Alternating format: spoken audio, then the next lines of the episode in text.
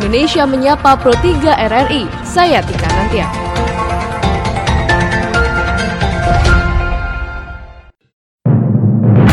Halo pendengar, saat ini Anda sedang mendengarkan podcast Pro 3 RRI pada edisi hari ini, hari Kamis 6 Februari 2020 dalam Indonesia Menyapa Anda. Jangan lupa bagi Anda pengendara kendaraan beroda 4 harap memperhatikan kebijakan ganjil genap di ruas jalan seputar wilayah DKI Jakarta. Dan hari ini adalah mobil dengan plat genap yang bisa melintas di beberapa kawasan dengan regulasi ganjil genap.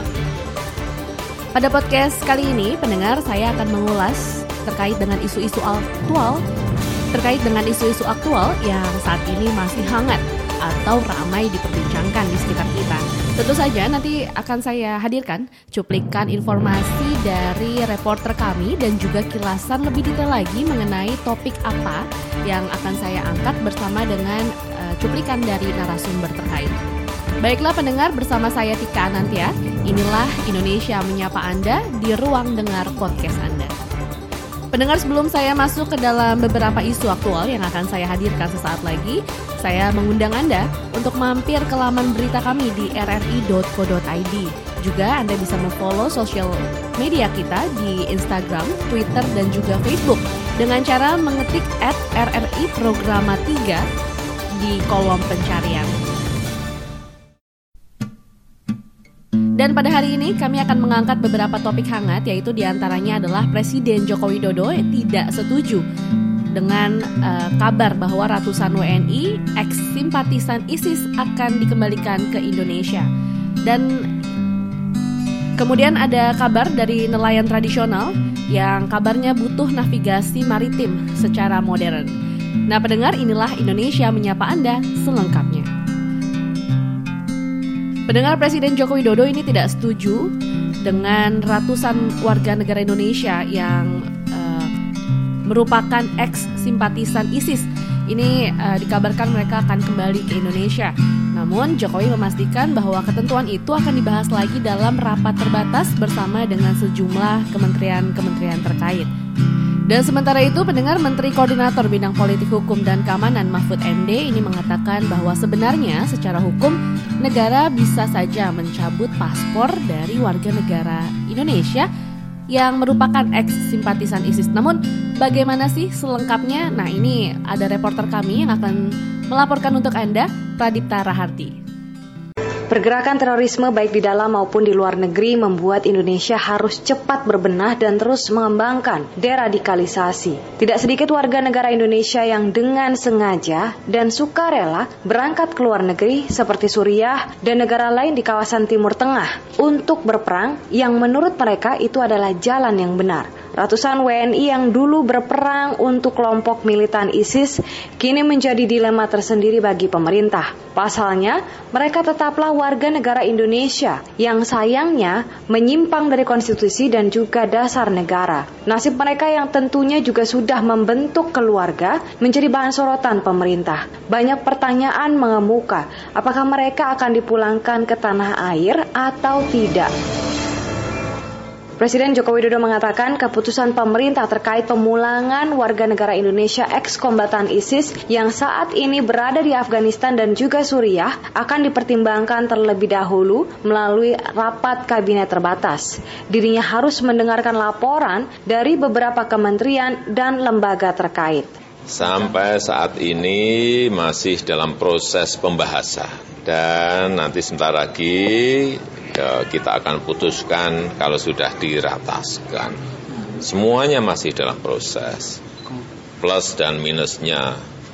Namun secara pribadi Presiden Jokowi tidak ingin memulangkan mereka ke tanah air. Ya kalau bertanya kepada saya, ini belum ratas ya, kalau bertanya kepada, uh, kepada saya, saya akan bilang tidak.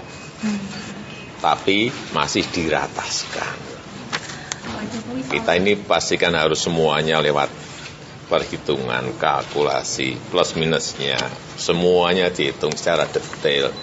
Dan keputusan itu pasti kita ambil di dalam rapat terbatas setelah mendengarkan dari kementerian-kementerian dalam menyampaikan Begitu pula dengan Mahfud MD. Jika berbicara atas nama pemerintah, sebagai Menko Polhukam, Mahfud berkata pemerintah tetap harus mempertimbangkan secara matang mengenai pemulangan ratusan WNI ex-kombatan ISIS tersebut. Hal itu dikarenakan ada sisi positif dan negatif yang harus dipikirkan secara matang. Namun, secara pribadi, menurut Mahfud, mereka tidak perlu dipulangkan ke tanah air. Kalau Mahfud lebih setuju enggak?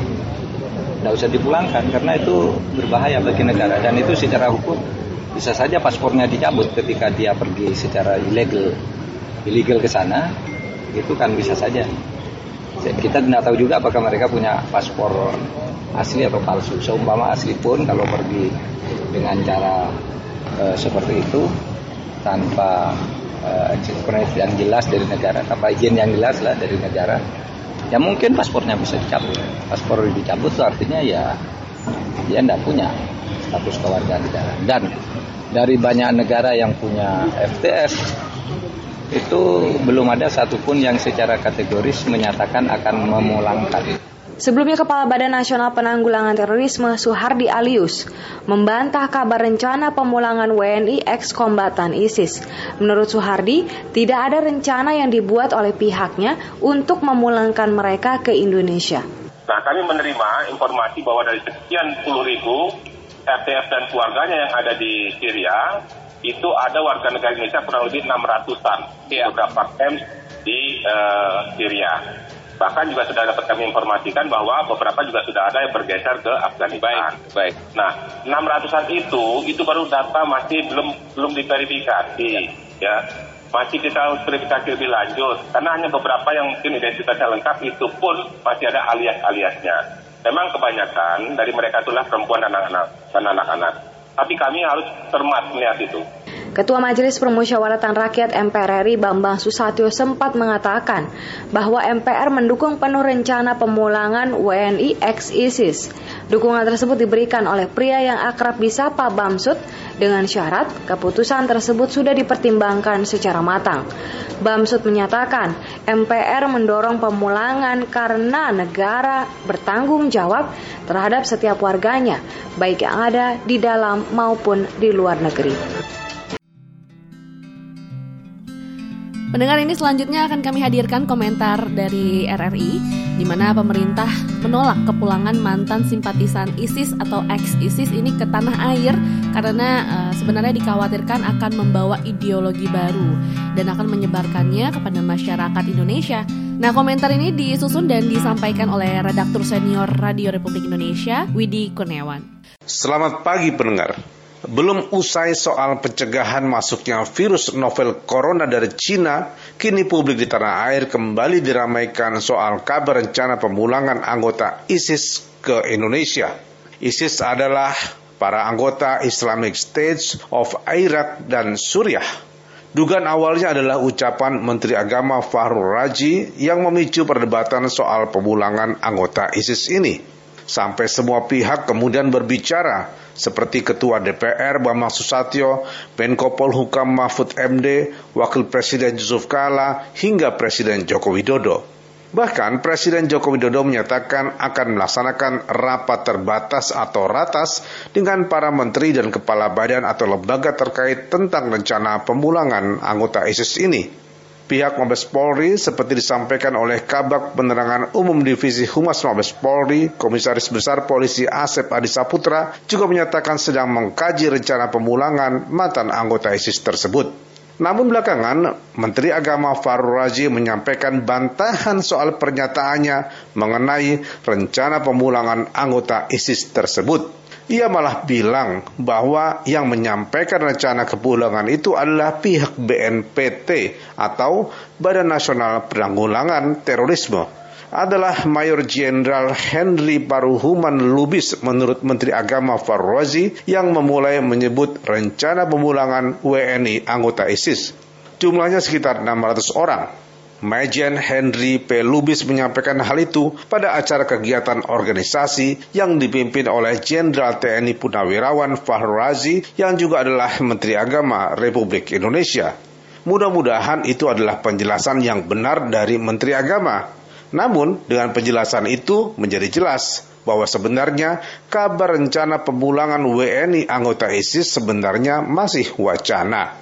Bila itu yang terjadi, tidak perlu pula Presiden Joko Widodo melakukan rapat khusus mengenai rencana pulangnya WNI anggota ISIS sampai pihak BNPT menyusun laporan detail dan komprehensif. Cukuplah bicara wacana. Beberapa hari mendatang, sepertinya pemerintah masih perlu fokus ke masalah persebaran virus corona yang selain membahayakan kesehatan masyarakat, namun juga memunculkan dampak ekonomi dan sosial yang sangat mengkhawatirkan. Demikian komentar, selamat pagi.